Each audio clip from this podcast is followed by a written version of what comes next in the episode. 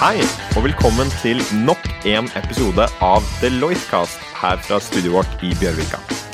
Og dette er fortsatt podkasten der hvor jeg, Marius og Andreas skal åpne revisjons- og konsulentbransjen og se hva vi finner av kunnskap på Deloitte-huset. Dagens bankbransje den står overfor eh, store endringer som følge av eh, digitalisering og av endrede brukervaner. Og det spås at bankbransjen står overfor den største omstillingen som noen gang har vært. Og Der har man bl.a. hørt Bill Gates si at 'banking is necessary, but banks are not'. Og Det betyr jo at eh, tjenestene som banker leverer, kommer til å endre seg. Og da altså organiseringen, eh, hva bankene faktisk tilbyr til slutt.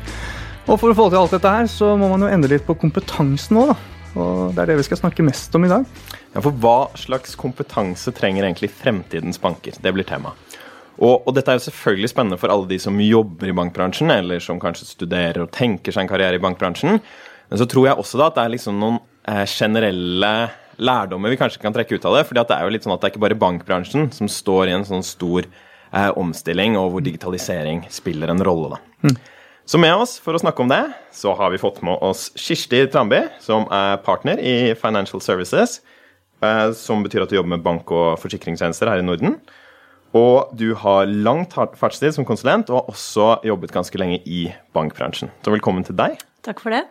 Og så har vi med oss eh, Sverre, som også er partner og, og jobber eh, i Financial Services-avdelingen. Eh, som også har lang fartstid, da, både som konsulent og jobbet med banking i DNV, stemmer det? Ja, blant annet. Det har jeg, altså. Så det begynner å bli mange år. Det gjør det. Så velkommen til dere. Eh, jeg tenkte vi skulle begynne litt før vi går inn på kompetansedelen og snakke litt om, om hva som skjer i bankbransjen eh, sånn generelt. Så hvis, hvis, dere tenker at dere på en måte ser på et sånt makroblikk over eh, bank- og finansbransjen nå, hva er det dere ser? Nei, vi kan jo starte med, Hvis vi løfter blikket ordentlig, ordentlig høyt, eh, så er det jo en, en kjennetegn som, av en endring som skjer globalt, som egentlig treffer alle bransjer. Ikke bare bank- og forsikringsbransjen. Eh, men vi er i en verden som er preget av mye digitalisering. Det betyr at vi tar i bruk mye ny teknologi. Eh, mye teknologi knyttet til det vi kaller digital infrastruktur. Som gjør at vi får helt ny infrastruktur i, eh, i markedet. Som gjør at vi kan gjøre helt nye ting som vi aldri kunne gjort tidligere. Et konkret eksempel på det er f.eks. mobilbetalinger. Det kunne vi ikke gjøre før få år tilbake. Det var bare, egentlig bare noe vi drømte om.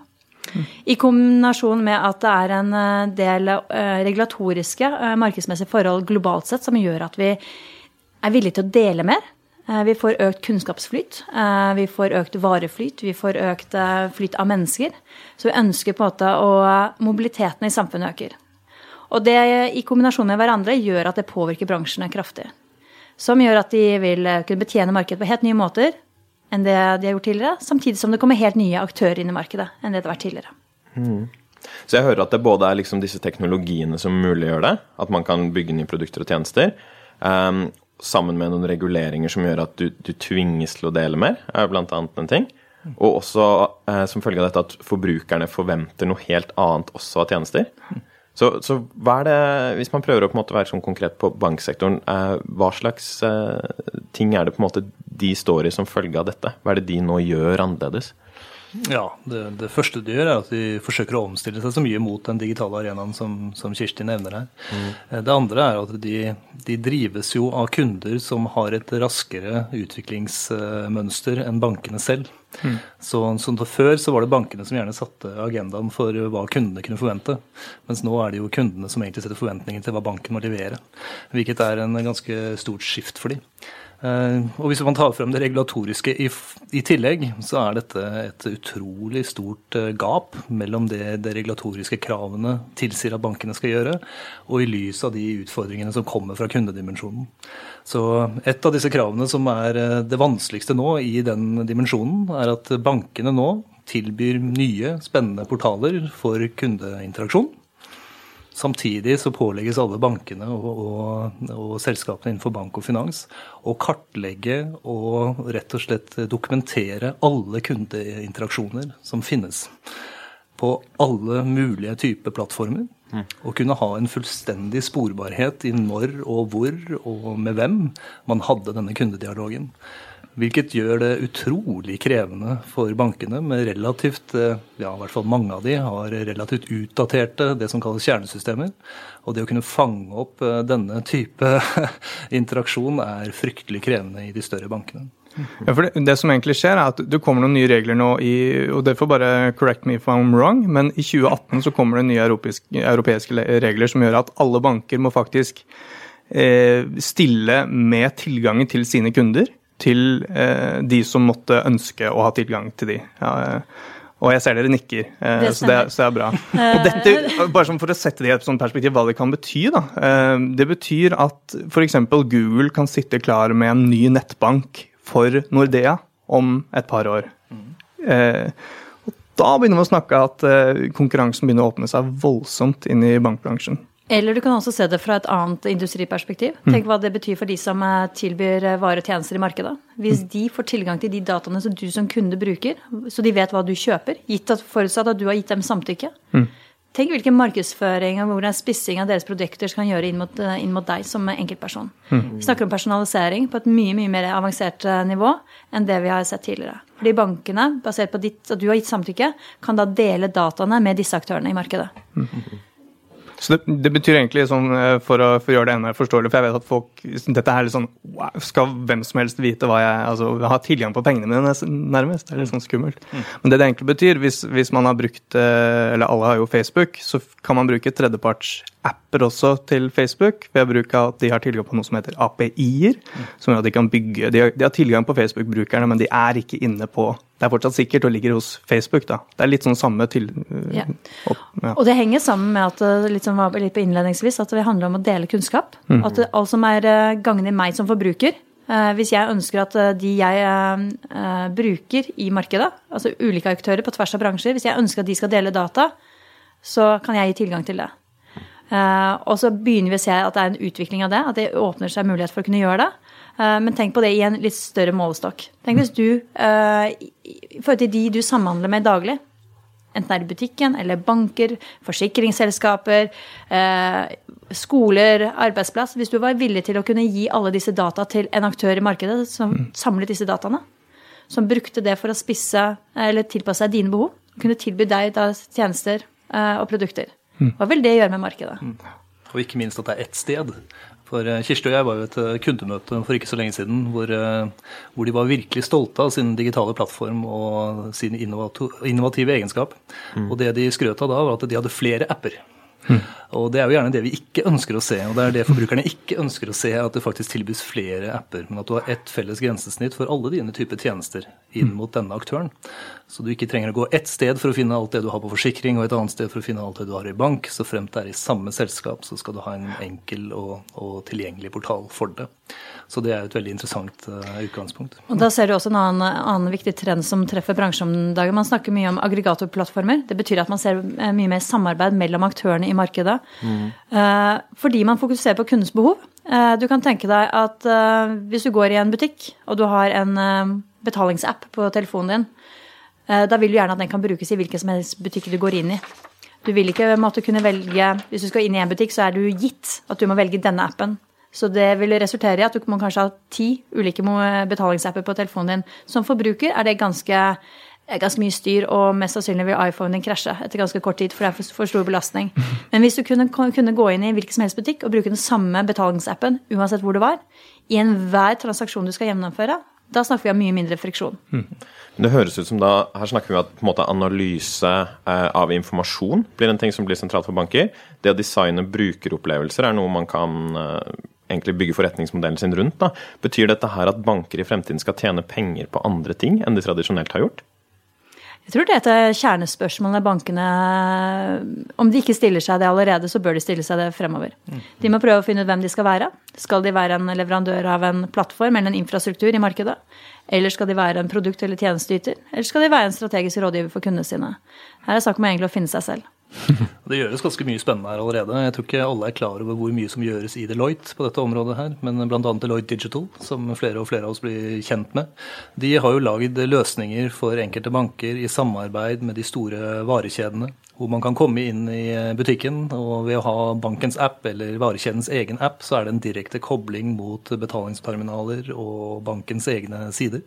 Hvor du da tilstedeværende får da dine kjøpsmønster er logget, eh, og når du passerer den og den eh, varen i hyllene i butikken, så genereres det en pling på telefonen og sier at for deg som er eh, kunde i denne banken, så er det 25% på den og den type mm. vare. Mm. Og ved tastetrykk da så har du allerede betalt varen og kanskje bedt om å få den kjørt hjem. Så det er, det er en type interaksjon vi ikke har sett tidligere. For å komme litt sånn over på, på, den kompetansebiten derfra, da. For nå hører jeg at det handler mye om at det er mye ny teknologi, og det kommer ny teknologi ganske kjapt, som man må klare å forstå og bruke. Det handler en del om nye forretningsmodeller her, at det er andre ting du skal tjene penger på enn før. Og så er det litt det man ser at, at endringen går mye fortere enn før, da. Og da blir jo liksom spørsmålet eh, Er dette eh, en verden hvor de med mye teknisk kompetanse, altså de som forstår teknologi, klarer å bruke det, eh, har mye tekniske ferdigheter, kommer til å lykkes veldig bra? Eller er det mer det at man trenger mye mer av disse soft skillsene? Å forstå endring, kunne på en måte bygge opp en organisasjon som, som klarer å eh, tilpasse seg fortere? Um, og klarer å påvirke andre mennesker, være på en måte mer ute og kommunisere med brukerne. Hva, hva tenker dere om denne blandingen mellom liksom soft skills og tekniske ferdigheter? Hva er det man på en måte trenger, de som skal jobbe i bank i fremtiden? Ja, Det er i hvert fall én eh, ting som er helt uh, sikkert, og som vi vet fra, fra gode kilder, er at uh, jeg tror nok både vi i Deloitte og kanskje banknæringen generelt står jo overfor den utfordringen at uh, de type profiler man kanskje rekrutterte tidligere, kanskje ikke matcher helt det behovet som er der ute i markedet. Mm. Kan du si litt om de? Ja, Det vi opplevde fra, fra, en bankrett her borte for litt siden, når vi var i et møte, var jo at han som leder den fremtidige utviklingen av denne banken med kundeportalene, uttalte at hvis vi skal gå i riktig retning her, så er det siste vi trenger er flere bankfolk. Og det er, en ganske, det er ganske gøy å si i et rom samlet fullt av bankfolk eh, med, med blåskjortene på.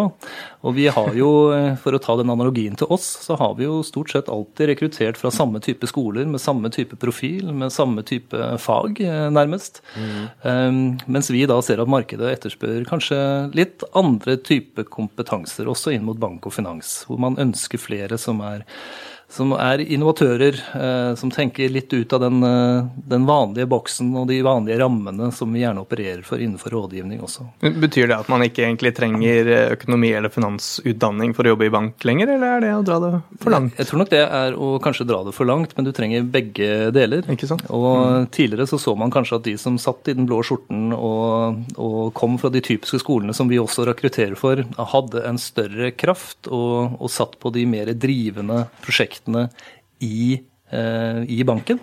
Mens det vi ser nå, er at de eh, prosjektene og de områdene i bankene og forsikringsselskapene som får størst oppmerksomhet, er jo der du typisk ikke ser den blå skjorten, men hvor man kommer inn og, og ser mer ut som vi forbinder med Deloitte Digital her i, i Deloitte, eh, hvor man kanskje har tatt av seg dressen og mm. faktisk opererer mer med saccosekk, pizza og øl enn, enn det man gjør med mye annet. Mm. Men, ja. men, det er jo en erkjennelse at man snakker om et økende kompetansegap innenfor hele bransjen. Mm. Og så er nok det, Jeg tror ikke vi snakker om et enten-eller. Jeg tror at dette er, det bildet eh, og hvilken kompetanse man trenger fremover, er eh, mye mer variert enn det vi kanskje har sett tidligere. Så som Sverre sier, ja, det har vært mye preget av blåskjorter. altså Hvis du ser det i et lengre historisk perspektiv. Men hvis du også drar til litt sånn historisk tilbake og ser på teknologiutvikling innenfor bank, da, som virkelig tok av på slutten av 60-, begynnelsen av 70-tallet, hvor vi fikk eh, litt mer bankkort og etter hvert betalingsterminaler og etter hvert minibanker, så er jo det at teknologi har jo fått en mye, mye større rolle. Eh, og hypotesen og det vi ser er, som bekrefter den, er jo at eh, teknologi vil få en mye større rolle også fremover mm. for å levere produkter og tjenester inn i bransjen. Selvfølgelig det vil påvirke hvilken kompetanse man også trenger. Uh, det som kanskje er hovedutfordring med den utviklingen, er jo at den går så mye raskere i dag enn det den har gjort tidligere. Mm. Så kravet til å tilpasse seg og lære seg ny teknologi, eh, ikke nødvendigvis på et veldig veldig dypt teknisk nivå, men forstå den tilstrekkelig så du vet hvordan du skal utnytte den, er kanskje litt av nøkkelen. Så ja, jeg tror at vi kommer definitivt til å trenge eh, finansfolk og økonomer fremover. Eh, bankbransjen vil ikke overleve uten dem. Men jeg tror de må klare å samarbeide og samspille i mye større grad med de som har mer teknologiforståelse, eh, har et annen type arbeidsmetodikk. dette med å kunne, ordentlig kunne salg, kunne bygge relasjoner og jobbe etter mer dynamiske, agile metoder. Vi ser jo at organisasjoner går med fra å være veldig hierarkiske organisasjoner til å bli veldig mye mer prosjektbaserte. Mm. Også i arbeidet frem mot kundene. Ikke bare innenfor sin interne organisasjon. Det jeg hører da, er jo litt Eller det er et begrep som heter 'purple people'. Jeg vet ikke om dere har hørt, som, som handler om en blanding mellom eh, det som her beskrives som da eh, ferdigheter med én farge, altså tekniske ferdigheter, eh, som jeg da tror er blå ferdigheter, og relasjonelle eller businessferdigheter, som er røde ferdigheter. Og så sammen så har du disse eh, lilla menneskene, da. Eh, eller poteter, da, som vi ofte kaller det på norsk. Tenker dere at fremover nå så er dette her liksom generalistens tidsalder? Er det sånn man burde investere i ferdighetene sine? Vite litt om alt? Uh, gjerne svare på den. Nei, jeg tror faktisk ikke det.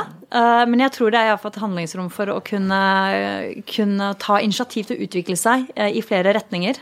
og at, en, at, man kan tilpasse seg det etter behov. Men vi ser også i, i økende grad behov for spisskompetanse innenfor spesifikke områder. Mm. Så jeg tror på en måte kompetansespekteret øker. da. Samtidig som man har et økende kompetansegap, så er det også det at man trenger flere kompetanser inn i bank- og finansverdenen enn det man har sett tidligere. Har du noen eksempler på de spisskompetansene? Ja, f.eks. Altså, sammenlignet med at du før så skulle du ha gode makroanalytikere, som et mm. eksempel. Nå trenger du også webutviklere, designere, mm. Eh, de litt mer kreative yrkene. Eh, gode prosjektfolk. Eh, de gode relasjonsbyggerne. Samtidig som du tenker noen, trenger noen som er virkelig dypt inne i kanskje alle sånne lovmessige reguleringskrav, som virkelig kan sitte og tolke seg vekk i loven. Mm. Som er i stor endring, ikke sant? Mm. Ja, jeg vil nesten gått lenger og si at uh, disse purple people er vel kanskje det vi helst ser at man ikke går imot. Uh, det er jo et gammelt ordtak. At man ikke blir At man ikke blir purple. Okay. Eh, jeg, jeg, tenker at det bankene først og fremst trenger, er ikke velbalanserte individer, men individer som balanserer hverandre. Da. Mm. Og det, det, var veldig dypt sagt. Eh, men, eh, men, det vi mener med det, er rett og slett at man har en tendens til å gå om at alle skal kunne alt. Alltid. Det gjelder også hos oss, kanskje, men det er spesielt tydelig også i bank og finans, hvor man, man skal ha grunnkunnskapen om bank og finans og det markedet og industrien. Og det er vel og bra, men som Kirsti er inne på her, den adopsjonsraten og hvor ting beveger seg så raskt at du kan ikke vente. Og det de utvikler av nye portaler og nye, nye arenaer for kundene nå, hvis ikke de leverer innenfor et par uker, så er det noen andre som leverer. Og det konkurransebildet er eh, relativt mye mer u klart enn før, og man vet ikke helt uh, hva andre gjør der ute, som man selv sitter og funderer på. Mm. Og det ser vi jo nå. hvis du ser på VIPS bl.a., så ser man jo uh, avarter og add-ins for, for, VIPS nesten ukentlig nå, at det kommer nye ting. og det ser man fra, fra, flere av de store aktørene også. Det går fort. Så jeg tror vi, vi, ble kjent med et nytt begrep som heter antibodies, fra noen av våre nederlandske, nederlandske kollegaer. Og det betyr rett og slett at de som er superheltene innenfor et domene, og, og jobber kanskje spesifikt med å utvikle én eh, type tjeneste i banken, må få lov til å gjøre det nærmest uavbrutt. Mm. Og ikke møte de som hele tiden sier at ja, men sånn pleier vi ikke å gjøre det. Eh, dette er ikke i henhold til. Eh, men de må komme langt nok med ideen, nesten frem til å publisere det og gå live, før disse antibodies kommer på banen og sier eh, hva som eventuelt må hensyntas. Eller så får man ikke i hvert fall ivaretatt den utviklingshastigheten som de trenger for å være aktuelle i markedet. Det høres ut som at det blir ikke stengt for disse blåskjortene. Det er fortsatt absolutt muligheter for dem, men det er mer et, en snakk om å få inn en annen type i tillegg. Og Det er jo en kjempeutfordring kanskje for en, for en, bransje som har vært som du sier, tradisjonelt ansatt fra veldig spesifikke skoler. Hvordan sørger man for at, eh, at andre blir interessert i bankbransjen? Jeg tror at, eh, som, vi nå har diskutert, dette med å ha variasjon av kompetanser, mm. som er veldig komplementære, er det som blir nøkkelen. Og det også ha evne å kunne jobbe på tvers av de eh, kompetanseområdene. Mm. Bank og forsikring kommer jo fra en verden hvor man jobber veldig i siloer hvor man rendyrker kompetanse i de siloene. De har fagenheter, og de har spesialistområder. Eh, når man skal på en måte se fremover i forhold til hva kundene kommer til å etterspørre, så ser man også da et større krav til at disse siloene og disse kompetanseområdene jobber tett sammen. For virkelig for kunne forstå kundens behov, og hva konsekvensen eh, det betyr for den enkelte bank eller forsikringsselskap for hvordan de skal levere nye eh, produkter og tjenester. Mm. Så det er liksom en, det å samarbeide på tvers og på en måte vi snakker om å, å forløse kompetanse i organisasjonene. For ofte ser vi at det er enormt med kompetanse som sitter i bankene i dag. Samtidig som de må bygge opp ny kompetanse. Men vi ser at også organisasjonsstrukturen i seg selv er med på å stenge kompetansen inne. Og låse den litt fast. Så vi må få den åpnet den opp så det flyter litt bedre. Så man faktisk lærer av hverandre. Men samme, ja. Ser dere den endringen nå? Altså det, det høres ut som en ganske stor omveltning for bankene sin organisering sånn er i dag. Er de i gang, eller hvor langt fram? Ja, de er, de er absolutt i gang. Ja. Eh, Og modenheten i forhold til å lykkes med det varierer veldig. eh, Både innad i landegrensene, men også på tvers av landegrenser. Eh, Og det er noen som har jobbet med dette i lengre tid enn andre. Men det er også et veldig stort valg å ta. Altså, de- fleste av oss har begynt å bli kjent med disse fintech-selskapene og de som utvikler eh, hva skal vi si, konkurrentanalyse, ikke konkurrentanalyse, men konkurrerende produkter til det, det bankene gjør og forsikringsselskapene gjør. Og Da må man ta stilling til om man ønsker, enten ønsker å ta den kampen og konkurrere mot de, eller invitere de inn. Hva, det hva er- dette det går på? Kan du forklare liksom, ok, fintech, og hvem er disse konkurrerende? Nei, altså Det som mange sier, og det, det var vel en undersøkelse i, eh, det var vel i Nord-Amerika for eh, var det i fjor, hvor man sa at 70% av oss eh, hadde hatt bank, eller bank i Apple hvis vi kunne. Fordi kundelojaliteten til Apple er langt høyere enn det man finner innenfor banksektoren. Men så er det jo sånn at eh, selv om Apple, Google og veldig mange av det vi anser å være teknologileverandører og fintech-selskaper nå i denne, eh, denne sammenhengen, det er ikke nødvendigvis at de heller ønsker å være banker eller forsikringsselskaper. For med det så kommer de regulatoriske kravene. Og med det kommer det en del lastverk som man kanskje ikke ønsker å ta, ta tak i. Og det er ikke der kjernen til kompetansen ligger heller. Og da mener jeg at noen inviterer deg inn, så åpner noen av de større bankene sine dører. Sine kjernesystemer, sine miljøer, sin infrastruktur. For at eh, fintech-selskaper kan bruke de plattformene og utnytte de styrkene som allerede de etablerte bankaktørene har. Og så tar man heller en, eh, en cut av det som da gjøres av transaksjoner innenfor sine egne eh, portaler. Så det er også en annen måte å jobbe på. Men jeg syns et veldig interessant element her, det er jo at eh, siden 2008 og denne banklojaliteten som går ned, de som typisk ville drømt om å jobbe i bank og finans, de drømmer ikke nødvendigvis om å jobbe i bank og finans lenger. For de ser det ikke som nok spennende, eh, nok innovativt og, og, og dynamisk nok. Og det er de menneskene man trenger, som vil ha innovativt og dynamisk osv. Ja, vi ser i hvert fall en trend fra skolene og inn her at uh, i banksystemet så så man tidligere profiler som satt i samme jobb og i samme bank og forsikringsselskap i 20-30 år. Også innenfor de mest teknologiske og innovative områdene i bank- og forsikringsselskapet.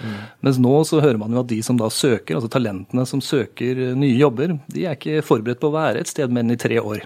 Før de beveger seg videre. Og det gjør det litt krevende. Og det er jo litt interessant også, for eh, vi gjorde en undersøkelse med Universum eh, senest i fjor, eh, hvor vi da tok utgangspunkt i studentmassene på, på, egentlig og økonomistudiene i Norge, som en ledd i en global undersøkelse, hvor man spurte liksom, hvem er det som egentlig tiltrekker seg bankbransjen, og prøvde å sette det i en kontekst i forhold til hva bankbransjen faktisk trenger. da. Og det, det som var interessant der, var at eh, de som, eh, de som ønsket stabile og trygge jobber, de søkte seg til bank og finans. Og det er jo et paradoks når vi vet at uh, hvis det er en bransje som uh, ønsker å effektivisere uh, og redusere antall ansatte, så er det definitivt den bransjen. Eh, på andreplass så kom det de som ønsket å tjene mye penger. Ja, historisk sett så er nok det riktig, men vi ser også at det er en trend som kommer til å endre seg over tid. Det er ikke der eh, de best betalte kommer til å sitte i fremtiden. Men det vi også så på, er jo at eh, ok, hva er det bankene faktisk trenger? Jo, det trenger mer gründerne, intraentreprenørene, altså de som kan drive entreprenørskap internt i en bedrift. Være gode innovatører, bringe, utfordre det eksisterende, stille spørsmålet hvorfor. Hvorfor gjør vi det på den måten her? Og ha kreative ideer. Den type kompetanse og den type profiler kom lavest ned. Det var de som var minst tiltrukket av bransjen. Og det er et paradoks når man vet at det er det bank bransjen vil trenge også fremover. I kombinasjon med også de tradisjonelle. Jeg tenker sånn eh, fra et utdanningsperspektiv, da. Hvordan blir man en sånn som stiller hvorfor-spørsmålet-type? Eh, hva er det som liksom eh, Jeg tenker sånn Det er jo for så vidt i livet òg, i arbeidslivet òg, tenker jeg. Altså, det, det, er jo generelt hvordan blir man en slik nysgjerrig, gravende en som tør å ta tak og fordi, ja, også, Man snakker jo gründere her, at man må gå, skal man gå en gründerskole eller en entreprenørskole. Det har de jo på NTNU nå også. Mm. Men å, å, få den her det, jeg vet ikke, dette hvorfor-mindsettet, dette nysgjerrig-mindsettet mm dette å bli en sånn eh, agil person da, som kan mestre dette. Hvordan er det man liksom kommer seg dit? Et utrolig interessant spørsmål. Eh, for jeg tror vi må gå veldig langt tilbake eh, til barndommen. For eh, jeg tror det er der de frøene da sås. Og det er mye teorier, og det er definitivt ikke mitt ekspertisefelt å si noe om verken barneoppdragelse eller læring fra barnsben av. Men, men, det er jo noe med hvordan, hvordan er det vi motiverer videre læring, da. Hvordan er det vi motiverer til å tørre å utfordre. Og det handler litt om eh, hvordan vi faktisk belønner. Altså Vi snakker om uh, hvordan vi stimulerer til den eh, innsatsen og den atferden man ønsker å få frem. Og hvis du, En hypotese er at hvis du, fall, hvis du alltid berømmer resultatet, at dette, nå leverte du kjempebra, så blir man veldig opphengt i sluttproduktet, eller på en måte det endelige resultatet. Som gjør at da blir du egentlig ganske fornøyd. Og da vil du også mest sannsynlig gjøre ting, den samme oppgaven på en eksakt samme måte neste gang du gjør den. Så du spiller det safe, da? Ja, du, ja, du leverer på det som er forventet. Du leverer på det som er forventet. Og hvis du virkelig skal utfordre, så hvis du da blir Hvis du vrir litt mot seg, da, hva om du belønner og stimulerer den prosessen du var gjennom? Mm. At dette, en, dette løste du på en god måte. Selv om kanskje ikke at resultatet ble det beste. Den her hadde jeg ikke sett for meg. Nå, nå sitter Kirsti og siterer Jesper Juel. For, for, alle barneforeldre som, som, søker hjelp eh, om dette, så er dette Jesper Juel-sitater, så dette er bra. Men, men, det er ganske relevant i bank og finans òg, som Kirsti er inne på her. fordi Én eh, ting er å gå mot eh, digitale plattformer og nye kundearenaer, men eh, det som er ekstra viktig, og som jeg tror er i hvert fall Jeg tror det er trykket på en T-skjorte vi må trykke snart, det er at digital disruption is not digital. Det går på endringsreisen og hvordan omstille mye av tankesettet og måten man mm. gjør ting på innenfor bank og finans. Og det går på kulturdimensjonen, ikke minst. Og dere er jo inne på et tema nå som ikke er fra Jesper Juel, men som, som, kommer fra det som kalles human factors, som heter performance shaping factors. Og det vi alle skal gjøre, i hvert fall, som rådgivere, er ikke bare å lete etter gapene hos våre kunder, men faktisk gjøre som, som dere er inne på her, og stille spørsmålet hvorfor er det slik. For det kan være gode grunner til at folk agerer slik som de gjør, og, og, og rett og slett kanskje bryter litt av regelverkene internt, eller normene internt, fordi de vet at det er dette, måten, dette er måten å få det fram på. Så, så, for oss i denne reisen med bankene, så er det det å, å virkelig kunne stille spørsmålet hvorfor. Og internt så har ikke den takhøyden ofte hos bank- og forsikringsselskaper vært uh, høy nok. Så, så det, er, uh, det er til tilbakemeldingen og den kulturen for uh, feedback og kontinuerlige forbedringer, den er nok der hos mange på papiret. Mm. Men vi opplever ikke at arenaene for å kunne ta opp disse temaene er til stede. Men jeg liker jo også på at det utgangspunktet for spørsmålet ditt. Hvordan er det man lærer seg denne type, den type atferd? Hvordan er det den kommer frem? Ja, tilbake til barnsbena, men ta den også gjennom hva du lærer gjennom skolesystemet. Det er jo interessant å se hva skolen fokuserer på. Mm. Hva du får karakter på, hvilke resultater som blir berømmet. Eh, man kan jo stille spørsmålet vil de eh, forsterke din, dine egenskaper knyttet til å ha en dynamisk, utforskende, nysgjerrig framferd? Svaret er kanskje nei, da. Kanskje? Kanskje. Jeg tror det varierer litt fra person til person. Det er nok mye personlighet som også avhenger av dette her, og hva man liker og hvordan man er. Mm. Men, eh, men, det er kombinasjoner, da. Vi ser iallfall at vi trenger den type profiler mer av fremover. Men For å skyte litt fra hofta her, da. Noen som er gode til å stille spørsmålet hvorfor, er jo eh, filosofer. Det er jo på en måte deres jobb, da. Og noen som er gode til å drive med dette med oppdragelse og hvordan man skal belønne og lære folk, er jo kanskje pedagoger, eh, eller eventuelt foreldre. da. Er det sånn at man egentlig trenger et inntog av da, filosofer og, um, og pedagoger sammen med designere inn i bankene nå?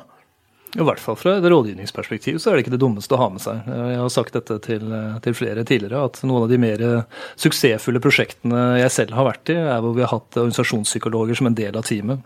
Og gjerne de har drevet den initielle diskusjonen med kunden, hvor kunden sitter igjen og føler at de har rett og slett kommet opp med alle de gode budskapene selv, mm. mens vi har stilt mer spørsmål enn å kommet med svar i noen av disse møtene. Og det er jo gjerne det å kunne være der for kunden og faktisk lytte litt, eh, mer enn å forklare vårt eget budskap budskap som, som, leder til den gode kunderelasjonen som mange av oss er på utkikk etter. Men vi ser jo også det at uh, apropos filosofer, så har jo det også vært uh, Vi ser jo iallfall at de får en økt inntreden også i styrerommene. Hmm. Filosofene? Filosofene. Mm. Vi ser at det er noen organisasjoner som faktisk ønsker å ha de med for å utfordre, for å tenke kanskje litt mer eksistensielt, og for så å bedre. Hmm. Jeg tenkte, jeg vil litt tilbake til det du snakket om, Sverre. Det her med at purple people kanskje ikke er veien å gå, men at vi skal være mer purple sammen. da. Uh, og, jeg leste en artikkel i, DN nå om eh, NHH, altså Handelshøyskolen i Bergen, hvor studentene da klager litt over at de får ikke nok IT-undervisning. De lærer seg ikke data og teknologi nok. Burde de kanskje slutte å klage og heller bli kjempegode i det i å være blåskjorter, istedenfor å på en måte skulle prøve å gape over teknologi i tillegg? Hva tenker du om den? Ja, det er jo spennende vinkling. Jeg har også gått på den skolen og, og kjenner meg jo noe igjen. Uh, jeg, jeg, tror det er helt avhengig av hvor man ønsker å bevege seg selv. Altså Hvis du ønsker å gå i et blåskjortespor, så må du kunne gjerne gjøre det og bli den eh, beste blåskjorten som er der ute. Det er fortsatt rom for dem, altså? Det er fortsatt rom for dem, og det er det absolutt. Selve kjernen i banksystemet er, har vært lik i flere hundre år nå, så den, mm. den er ikke så, så, så, veldig utfordrende der. Men det er jo selve interaksjonen med kunden som spesielt har endret seg mye. Mens eh, mye av de produktene vi ser, og mye av det banken selv gjør, har har vært der i, i veldig, veldig lang tid. Men eh, jeg tror nok skolene på sitt rette kan ta til seg eh, til flere perspektiver. Og det jeg kanskje savner, best, savner mest fra, fra, utdannelsen selv, er hva vil det egentlig si å jobbe? Vi er veldig teoretiske, men det å få faktisk læring og kunnskap i hvordan drive møter, mm. eh, hvordan fasilitere workshops, eh, altså alt dette som går på metode og tilnærminger, det tror jeg vi er eh, sultne på eh, som studenter, og for så vidt i ettertid som, som arbeidende også. Men jeg tror jeg ville kanskje gå så langt etter det. Jeg ville utfordre de skolene til å faktisk fokusere mer på teknologi. Eh, vi ser at teknologikompetansen i samfunnet generelt har økt kraftig bare over de siste 10-15 årene. Mm. Å tro at den kommer til å avta, det, det, jo, det, vil jo ikke skje. Den vil jo bare øke i økende takt. Så, så det at man får en At skolen og utdanningsinstitusjonene institusjonene faktisk øker sin egen teknologikompetanse også i, i, sin læring. For tilbake til dette med å forstå hvor er det teknologi kan benyttes, tror jeg blir et viktig element. Forstå betydning av teknologi. Teknologi er jo ikke løsning på alle, alle utfordringer vi har, men det er, kan være et ekstremt nyttig verktøy for å, for å komme frem til gode løsninger. Skal jeg slå inn et slag til? Så nå kan vi danne vår egen skole snart, tenker jeg. Eh, men det vi også kanskje kunne sett mer av, er jo selve bransjefokus mm. hos skolene? Altså Hva er det som driver bransjene? Ikke nøkkelnumrene for, for, kundene innenfor hver bransje, men hva er det som egentlig er drivende for bransjen? I, I, et litt lengre perspektiv også. Og det er det ikke veldig mye fokus på. I hvert fall var det ikke det når, når jeg gikk på NHO. Men nå, nå, er vi jo inne på å starte vår egen skole. Jeg syns ikke det er noe dum idé. hvis noen går inn for det. La oss gjøre det. Jeg ser for meg at også det er en bransje. Ikke sant? Når av, det skjer så mye i resten av samfunnet, man trenger ny kompetanse. Det er, det er andre ting man gjør der ute. Og skolen skal jo forberede deg på det som skjer der ute. Men jeg har inntrykk av at man gjør mye av det samme på skolen. Um, er det noen andre ting som dere tenker at man burde gjøre annerledes eh, der? Eventuelt, da, er det noe som studentene som går på skolen, som kanskje er tradisjonell, burde gjøre litt sånn på si for å være klar som det som kommer etterpå? Jeg tror det handler om eh, rett og slett å ta ansvar for egen læring. Hvordan gjør man det? Hvordan gjør man det? Nei, men altså, Det er jo en digresjon der. Som, eh, som utdannet økonom og jobbet i Bank-Norge i en, eh, stort sett gjennom hele karrieren, så har jeg til gode å egentlig føle at jeg akkurat faktisk har brukt utdannelsen jeg har fått. uh, men, men, ja, altså, Vi må fire litt på det, men selvfølgelig jeg lærte noe når jeg studerte. Uh, og etter hvert ble jeg siviløkonom. Uh, sikkert noe med metodikk og en sånn grunnleggende kompetanse. Men jeg kan ikke si at jeg direkte har brukt mye av den kompetansen jeg lærte der, i en jobbsetting. Mm. Uh, og da er det jo litt sånn spørsmål å si at ja, men hvorfor gjorde jeg ikke det? Mm. Nei, men Den var jo ikke helt relevant, da. Ja, den ga meg et kunnskapsnivå. Uh, det ga meg en, uh, en, grad som gjorde at jeg fremsto på papir iallfall troverdig. Men alt det andre i en business-setning, en forretningsmessig setning, så måtte jo alt læres der og da. Eh, så kanskje det viktigste utdanningsinstitusjonen bidrar til, var jo at det har evne til å prøve å lære. Men, eh, men, fremover så tror jeg ikke det holder. Man, for å kunne utvikle seg videre, så må man ta ansvaret for det selv. Man må finne ut hva man har lyst til å drive med, og ta det ansvaret. Eh, at vi bygger en kompetanse som vi skal leve på resten av livet. Den tror jeg heller ikke på. Vi må jobbe kontinuerlig med kompetanseutvikling fremover. Og gitt at vi vet at vi skal stå i arbeidslivet til minst, minst 75 år snart, så, så, betyr det at vi må utvikle oss hele tiden. Så selv om når du blir når vi en, gang, en eller annen gang blir 50-60 år, så, så, må vi på en måte ha kommet oss litt videre, da. For å fortsatt være relevante for arbeidsmarkedet. For vi er helt avhengig av å kunne stå i jobb osv. Og, så og da må vi på en måte fornye oss kontinuerlig. Mm. Jeg lurer på, sånn, For de som allerede er ute, og kanskje de som er i, i bankbransjen og jobber der allerede. Hvor er det ansvaret ligger for uh, denne kompetansehevingen nå, da? Ligger det hos ledelsen eller i HR, eller er det de ansatte selv som bare er nødt til å gjøre dette på fritiden sin? Jeg tror svaret er ja. Mm. ja jeg tror, så. tror alle de i kombinasjon må ta ansvar. Ja. ja. Det er ikke én uh, alene, det. altså. Det, er, det, ligger nok helt fra toppen og til den enkelte, dessverre. Hvordan ser dere at det foregår uh, nå? Ja, i bankene nå som Nei, det, det, vi syns er interessant, er jo noen av disse lederutviklingsprogrammene som vi selv er en del av. Mm. Som, som, har et nytt perspektiv ved seg, ja, ved at man forsøker å bedre bankens konkurransedyktighet ved den enkeltes agenda. At du ikke forsøker å hjelpe banken totalt sett fra et eh, overordnet og ned-perspektiv, men at du faktisk angriper de, hva skal vi si, de daglige utfordringene som hver enkelt leder sitter med og heller eskalere det oppover til det beste for banken totalt sett.